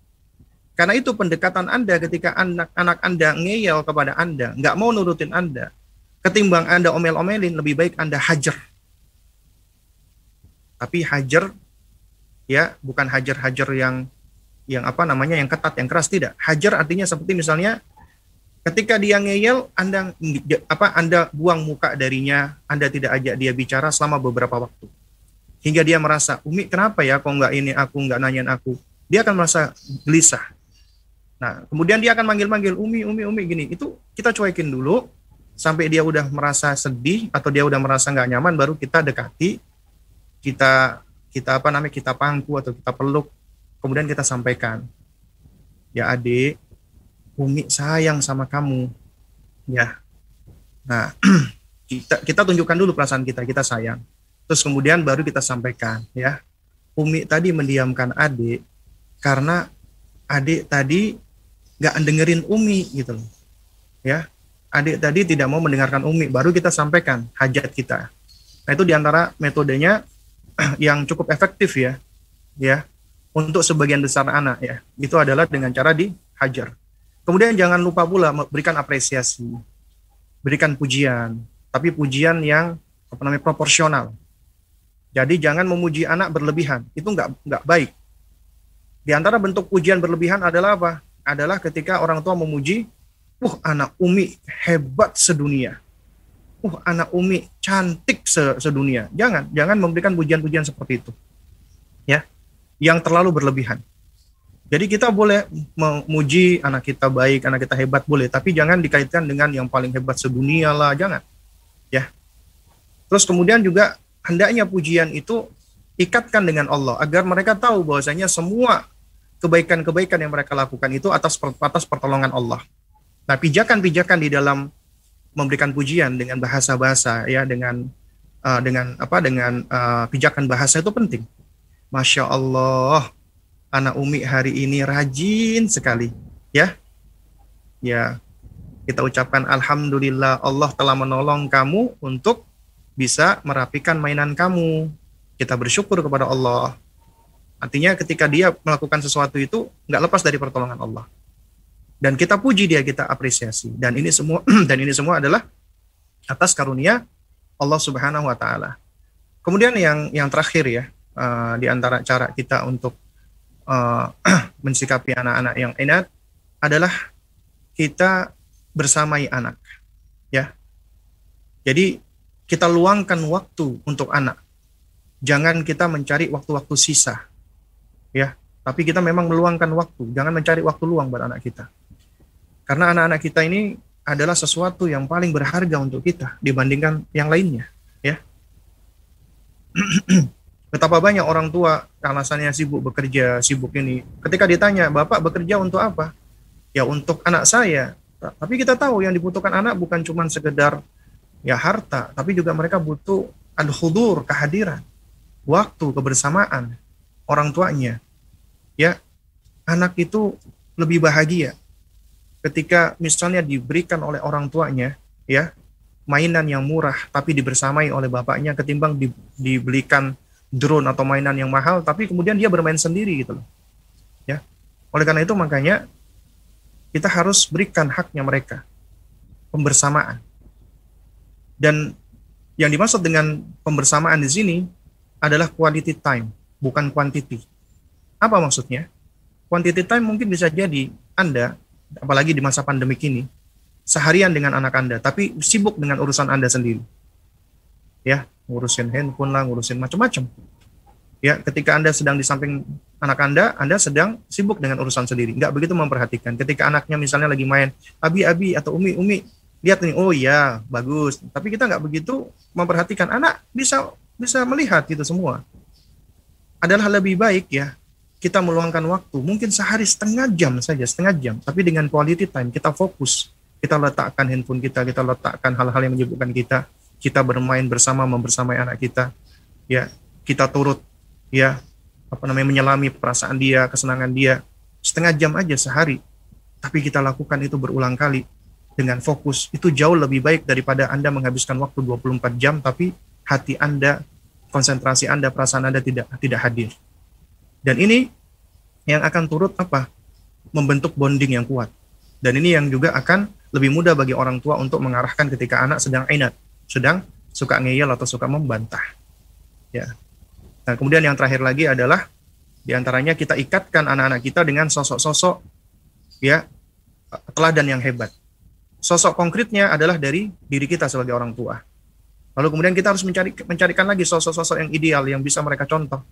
Artinya kita berikan mereka ya kisah-kisah kita kisahkan kepada mereka. Orang-orang yang soleh Rasulullah SAW para nabi dan rasul sahabat-sahabat. Ya itu sebagai bentuk kita memberikan masal contoh kudwah buat buat mereka dari sosok-sosok orang-orang yang soleh tersebut. Ya mudah-mudahan yang sedikit ini bisa memberikan manfaatnya bang Jiang. Mungkin ada uh, pertanyaan yang masuk atau yang ingin bertanya via telepon ya dipersilakan waktu dan tempat saya serahkan kembali kepada Bang Jiang. Ya.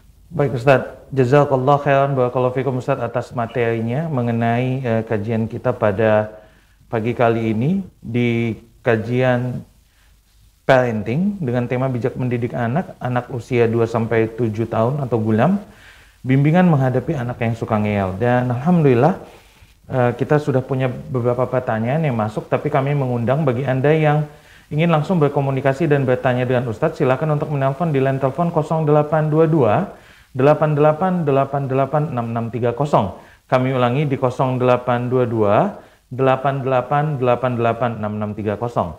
Sambil menunggu penelpon, kita akan bacakan terlebih dahulu untuk pesan uh, teks yang sudah masuk. Baik. Baik. Uh, Assalamualaikum Pak Ustadz izin bertanya, bagaimana memperbaiki karakter anak yang sudah terlanjur diberikan pola asuh dengan cara ditakut-takuti oleh hukuman dari Allah, sehingga anak itu saat ini menjadi penakut. Baik, baik ya. Baik, jemaah sekalian menggunakan Allah Subhanahu wa taala. Memang ya, kita nggak bisa pungkiri yang namanya al-wiqayatu muqaddam ya minal ilaj. Yang namanya preventif itu lebih didahulukan daripada terapi atau pengobatan atau kuratif. Ya, ini adalah kaidah umum ya, kaidah universal di dalam berbagai bidang, bukan hanya dalam hal kedokteran, tapi juga dalam hal agama. Ya, nah, jadi kalau kita perhatikan ya, seperti uh, Syekh Ahmad Nasir atau Yar ya, dalam bukunya Kaifaturobi Abna'aka, ada 30 kaidah ya 30 kaidah yang dapat menghantarkan orang tua sukses di dalam mendidik anaknya. Itu 28 kaidah pertama itu semuanya wiqayah preventif. Dua kaidah terakhir baru ilaj baru apa namanya terapi.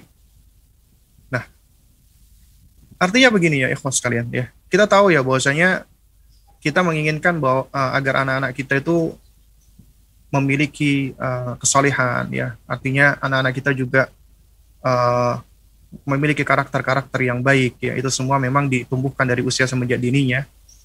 Nah dan ini semua ya mengharuskan kita untuk belajar untuk mengambil sebab. Dan sebab-sebab yang yang ada itulah yang merupakan bagian dari wiqayah. Sebagai bentuk preventif agar anak kita itu tidak jatuh kepada keburukan-keburukan ya. Nah tapi apabila anak kita misalnya ya dia sudah jatuh kepada keburukan atau hal-hal yang tidak kita inginkan ya Nah, lantas apa yang kita lakukan?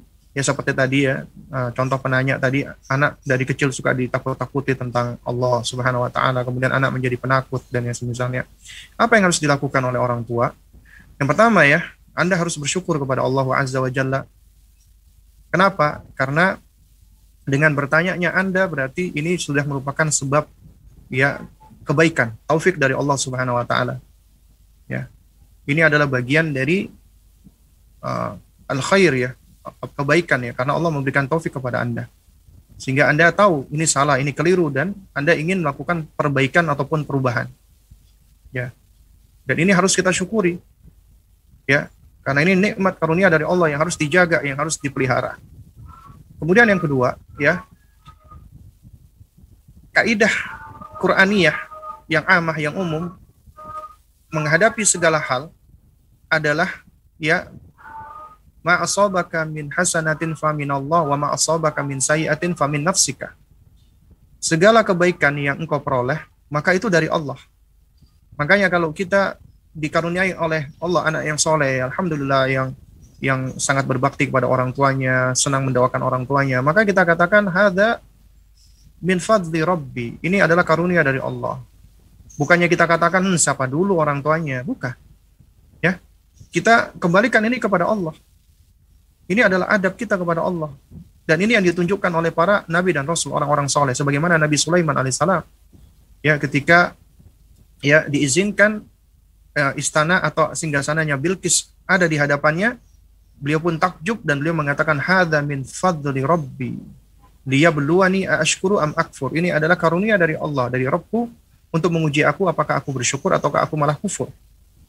Nah, jadi ternyata karunia itu ujian pula. Ya, yang menguji kita apakah kita bersyukur ataukah kita malah kufur dengannya ya. Nah jadi uh, ikhwatal kiram rahimani rahimakumullah ya. Apa namanya? Uh, ya. Uh, yang harus kita pahami ya. Jadi kebaikan itu dari Allah. Kalaupun ada ujian ada suatu keburukan maka wama asobaka min sayyatin faminafsika adapun keburukan yang engkau yang menimpa dirimu maka itu dari dirimu sendiri artinya dari dari diri kita Karenanya apabila anak-anak kita itu buruk misalnya, ya atau atau ada keburukan-keburukan, jangan kita katakan ya sudah takdir Allah. Ya Allah yang menghendaki demikian. Kita nggak bisa pungkiri memang takdir dari Allah, tapi ini ucapan tidak beradab kepada Allah. Kenapa? Karena keburukan yang kita peroleh itu faminafsika dari dirimu sendiri. Ya sebagaimana musibah-musibah yang menimpa kita, ya wama asobakum min musibatin Fabi maka sahabat aidikum dan tidaklah musibah yang menimpa diri kalian melainkan itu karena perbuatan tangan kalian sendiri. Ya, karena memang ketika Allah menjelaskan tentang musibah itu sebabnya dari diri kita termasuk musibah yang mungkin sebagian dari karakter anak-anak kita atau sifat anak-anak kita yang kurang baik. Jadi kita harus akui itu dari diri kita. Kesalahan kita. Nah, jadi kita harus iktiraf itu, akui ini kesalahan kita. Nah, dengan pengakuan kita atas kesalahan ini, kita masuk ke langkah ketiga, kita mohon ampun kepada Allah, mohon maaf. Ini langkah ketika kita ingin melakukan perbaikan, maka kita harus istighfar, mohon ampun kepada Allah, taubat kepada Allah. Karena kita tahu tidak ada yang bisa merubah anak kita, memberikan hidayah, menjadikan menjadikan dia soleh, kecuali dari Allah. Allah yang hanya mampu untuk mensolehkan anak kita. Kita nggak mampu. Karena itu makanya kita awali dengan kita memohon ampunan kepada Allah, beristighfar.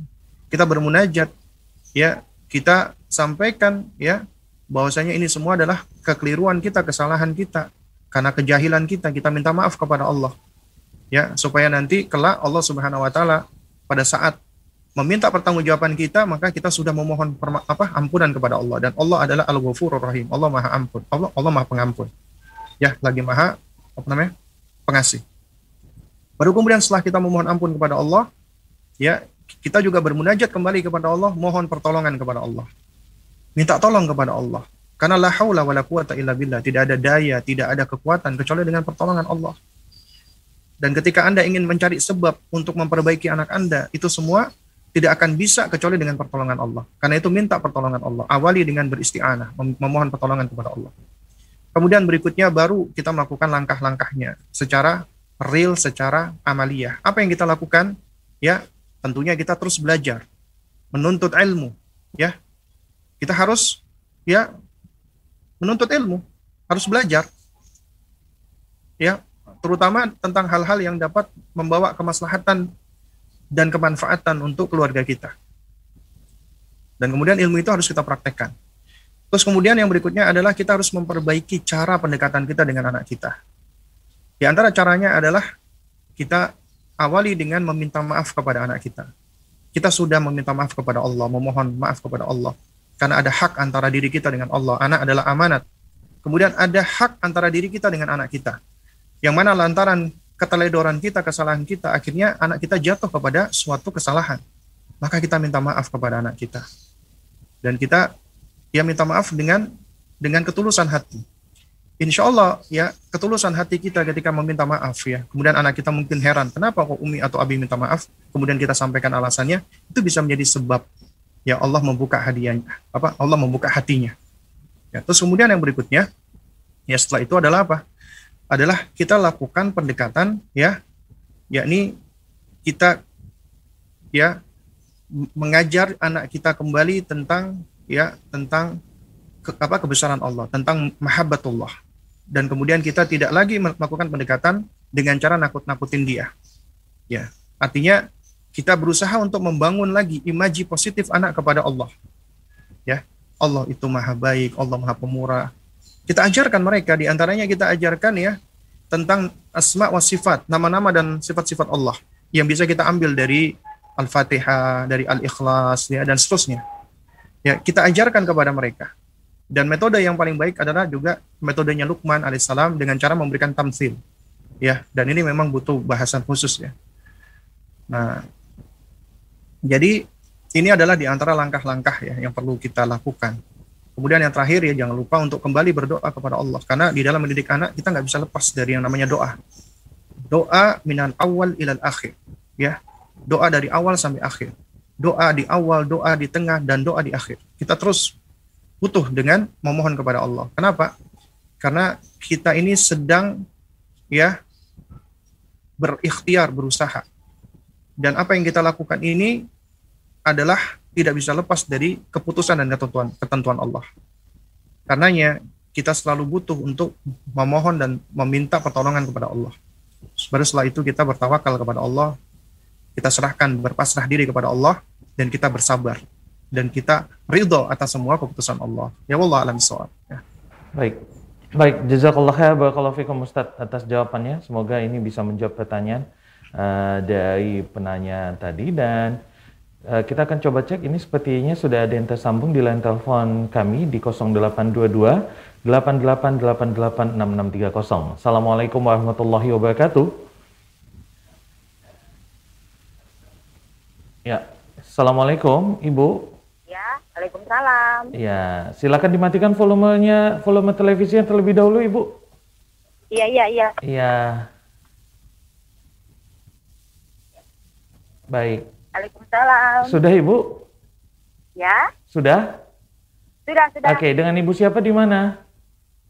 dengan Ibu Yuliana di Sulawesi Tengah, di tepatnya di Kabupaten Donggala. Oh, masya Allah di Donggala ya Bu ya.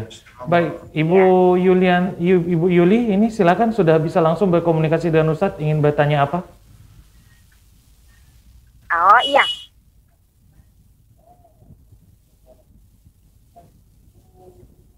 Silakan Ibu. Ah ya, begini Pak Ustadz. Assalamualaikum. Waalaikumsalam warahmatullahi wabarakatuh. Begini Pak Ustadz, saya punya keponakan umurnya enam tahun.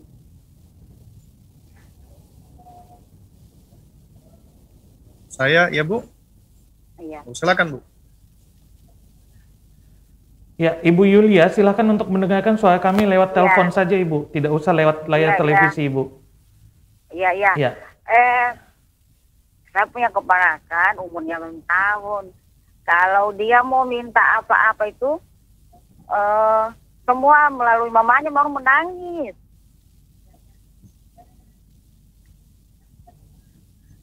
Oke. Okay. Saya. Iya, iya. Terus Ibu silakan. Iya. Selalu menangis, eh, selalu menangis Pak Ustadz. Jadi kalau mamanya bilang minta sama uh, tua, jadi kalau saja ambil dia menangis terus. Dia maunya mamanya, mamanya dia katanya dia takut dengan tua, dengan saya, tapi saya tidak pernah bikin apa dia itu. Uh, ya saya, saya. Uh. Ya, ya. Baik. Itu saja Ibu. Ya, itu saja. Terima kasih Pak Ustadz. Ya, baik. Jazakillah khair Bu Yulia di uh, Donggala. Tadi mungkin Ustadz bisa menjawab langsung Ustadz, silakan. Iya, itu sebenarnya masih belum ada apa namanya pertanyaannya ya.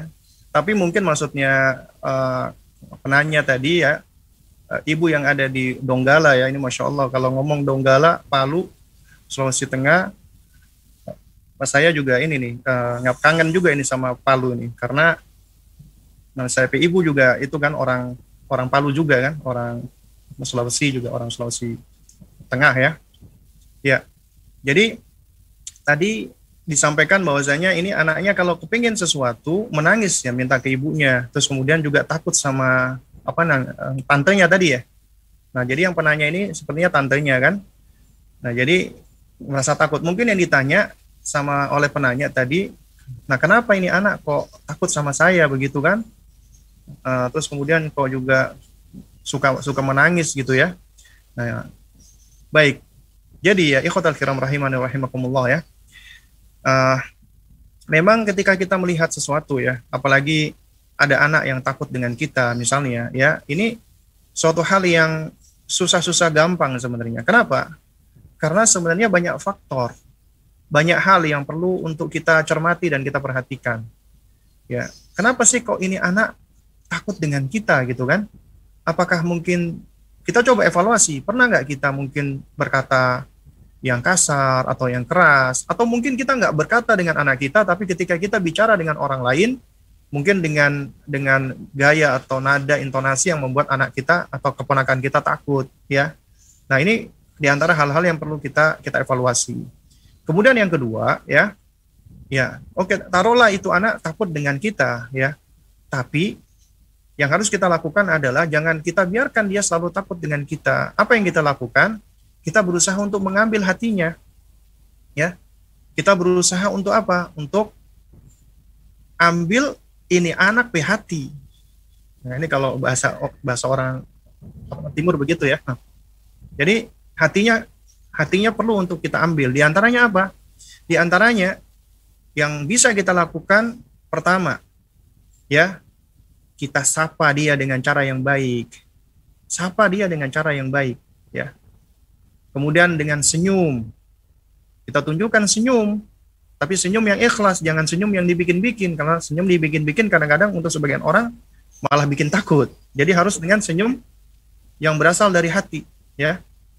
Lalu lalu kemudian yang ketiga, ya setelah kita sapa dia, kita senyum dia, jangan lupa di antara yang baik juga kita salami dia.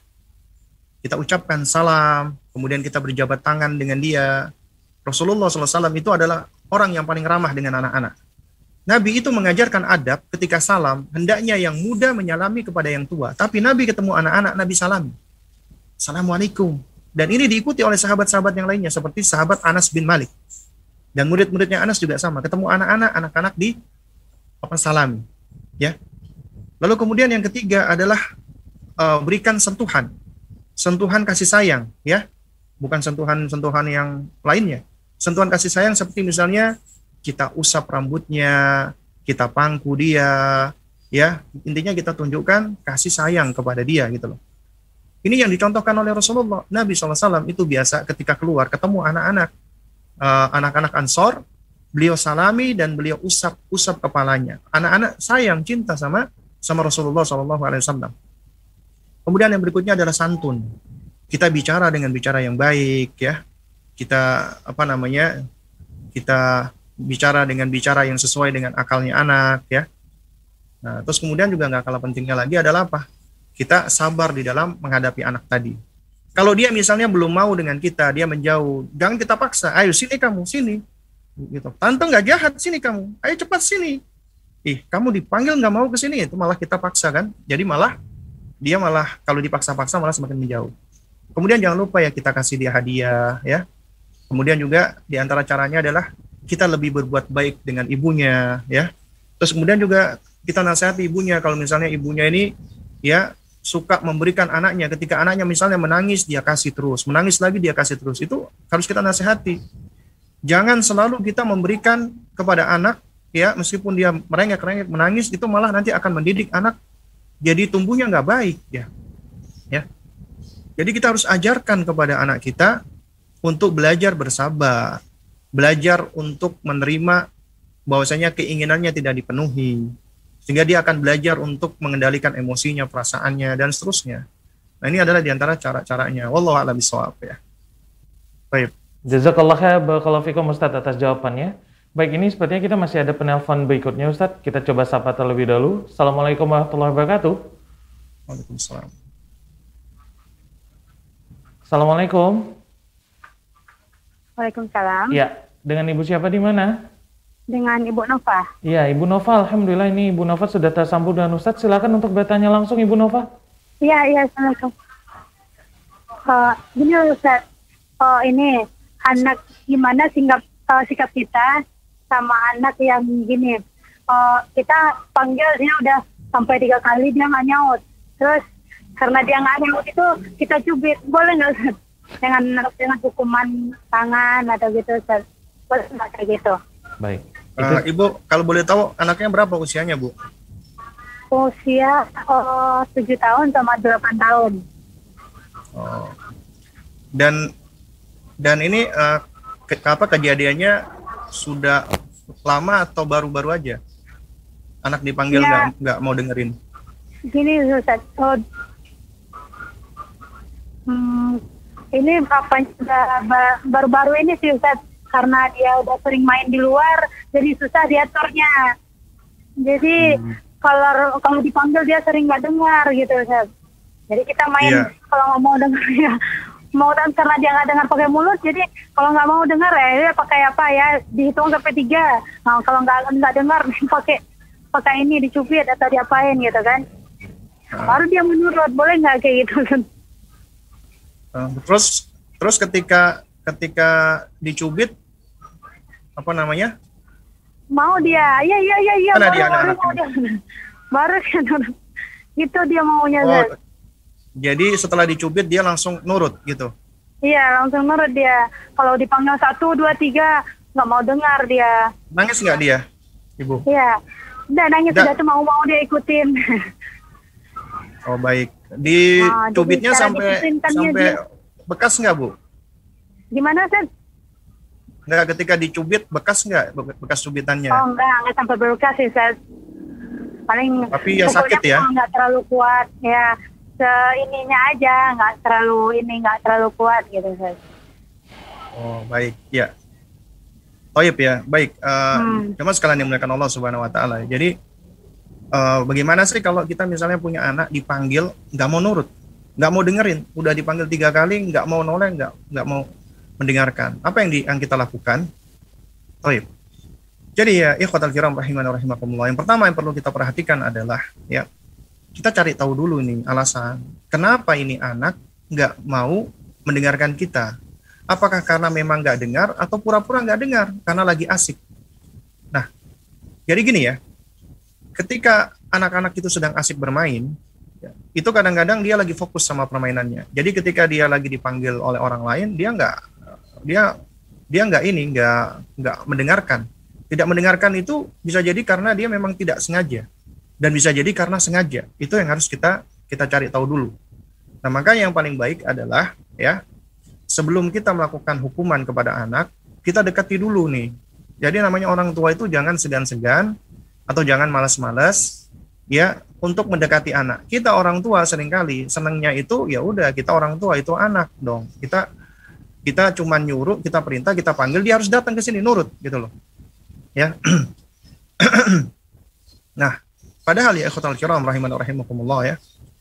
Ketika kita memanggil anak itu juga harus ada adabnya. Ini juga akan mengajarkan anak juga. Akan akan mendidik anak adab juga ketika dia akan memanggil orang lain kalau misalnya contoh ya contoh. Ini bukannya saya ini ya saya apa namanya eh, menjudging ya ataupun enggak. Bukan ini cuma contoh aja. Misalnya ada seorang ibu ya.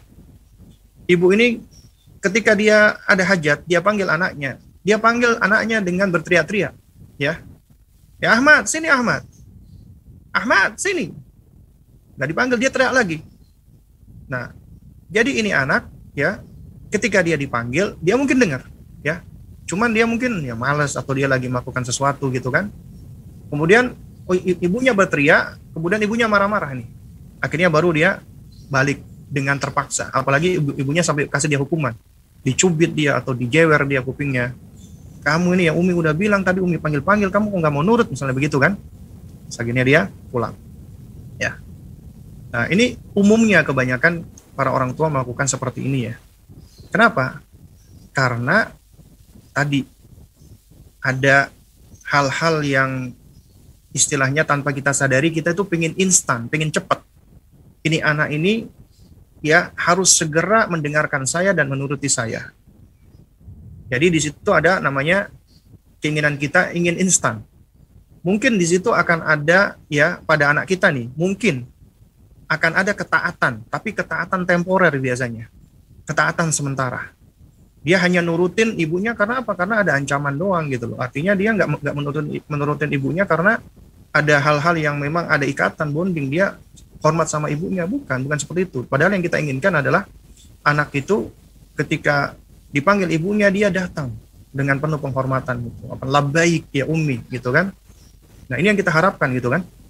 Nah, jadi apa yang harus kita lakukan? Kalau anak kita dipanggil, kita pertama usahakan jangan suka memanggil anak kita dengan berteriak-teriak. Kita panggil dari dari jauh. Jangan. Ini kebanyakan ibu-ibu. Afid, sini Afid, berteriak-teriak. Itu nggak baik. dari muruah juga apalagi seorang wanita itu nggak baik kalau kita harus teriak-teriak ya yang kita lakukan adalah apa kalau kita butuh dia jauh kita sendiri yang panggil atau kita minta tolong sama abangnya atau adiknya tolong abang adik panggilin ya.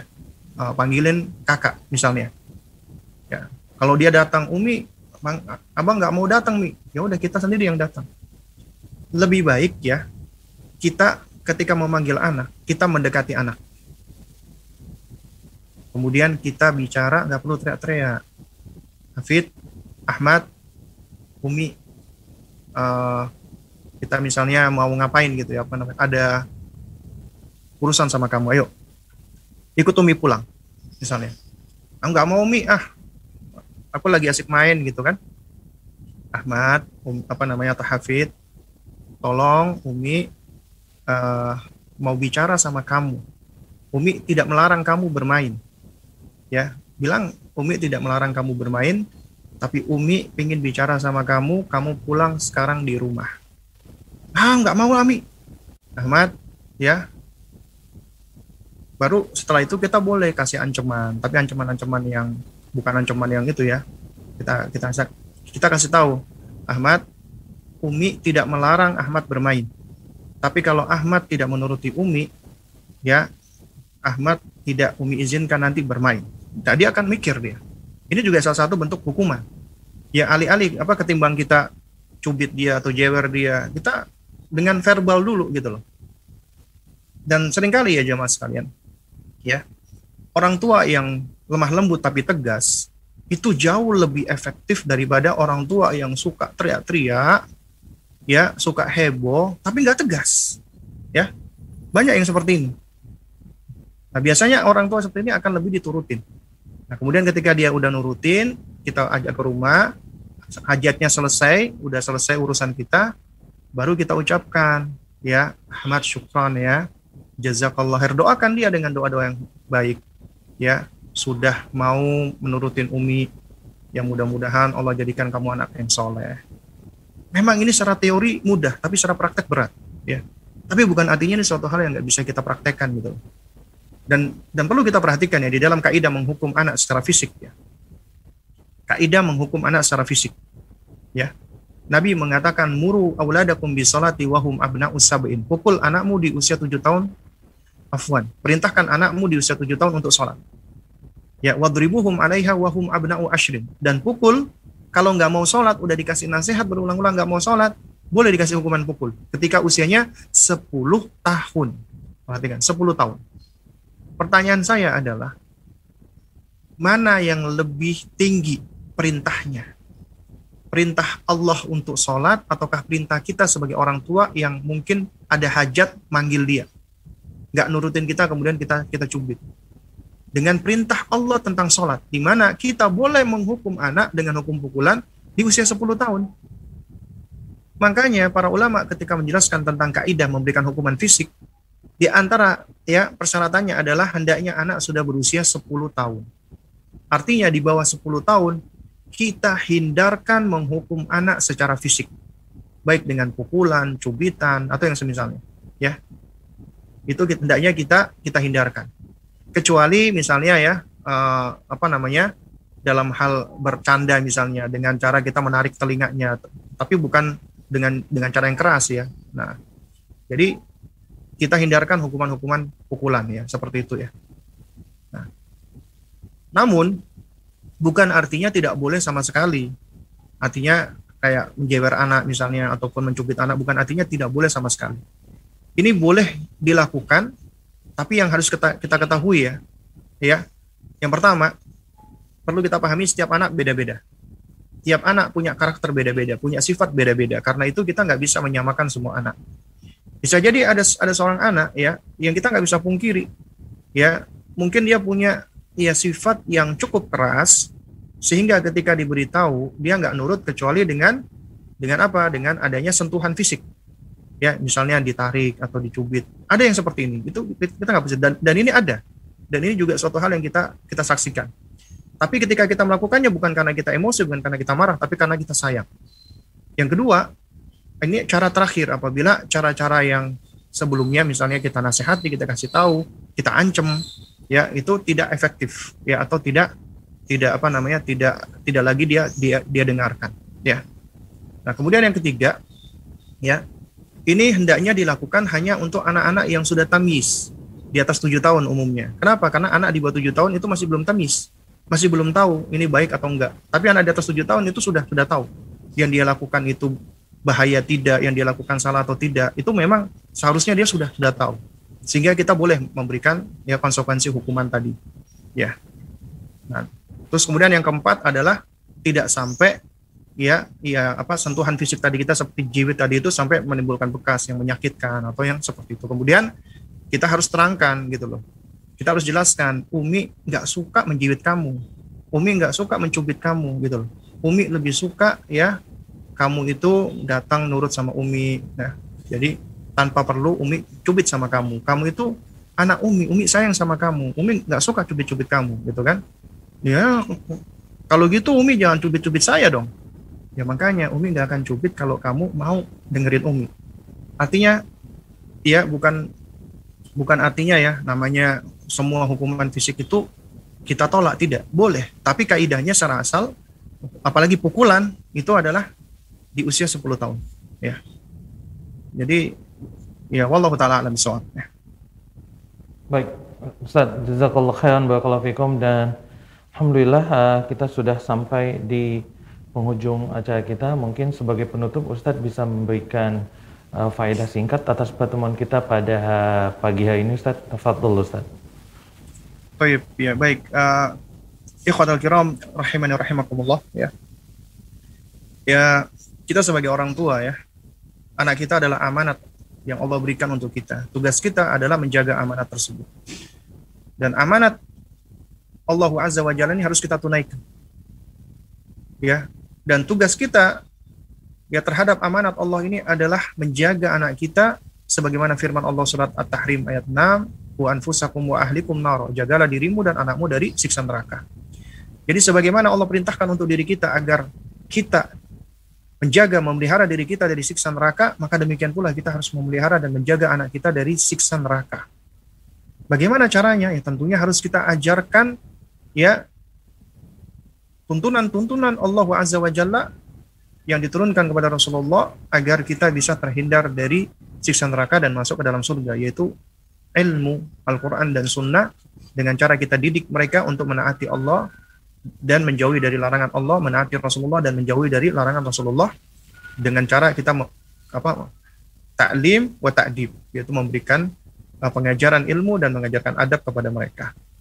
Dan ini adalah suatu hal yang harus kita lakukan. Dan ini semua juga tidak akan bisa efektif apabila kita tidak belajar mengenal uh, sifat dan karakteristik anak-anak kita. Di antaranya usia tufula ini. Nah, jadi dengan mempelajari usia ini ya mudah-mudahan kita akan semakin mengenal tentang kondisi anak kita sehingga kita bisa melakukan pendekatan yang lebih baik. Ya Allah taala alam. Mudah-mudahan yang sedikit ini bisa memberikan manfaat ya. Untuk penutup saya serahkan kembali kepada Bang Jiang ya. Baik, Ustaz Jazakallah khairan barakallahu fikum Ustaz uh, atas uh, materi yang sudah disampaikan pada pagi hari ini. Baik pemirsa TV di mana pun Anda berada, kami mohon maaf jika tidak semua pertanyaan yang terkirim kepada kami bisa kami sampaikan kepada Ustadz. Insyaallah ta'ala jika memang masih ada waktu di pertemuan kita yang akan datang, kami akan coba untuk tanyakan kembali kepada Ustadz. Dan insyaallah ta'ala kita akan kembali bertemu pada Kamis yang akan datang di jam yang sama pukul 9 waktu waktu Indonesia bagian Barat dan tentunya masih di televisi kesayangan kita bersama Rosyad TV Saluran Dakwah Keluarga Islami. Kami seluruh kabar kerja yang bertugas pamit undur diri. Kita tutup pertemuan kita pada pagi kali ini dengan doa kafatul majlis. Subhanakallahumma bihamdika asyhadu an la ilaha illa anta astaghfiruka wa atubu ilaik. Assalamualaikum warahmatullahi wabarakatuh.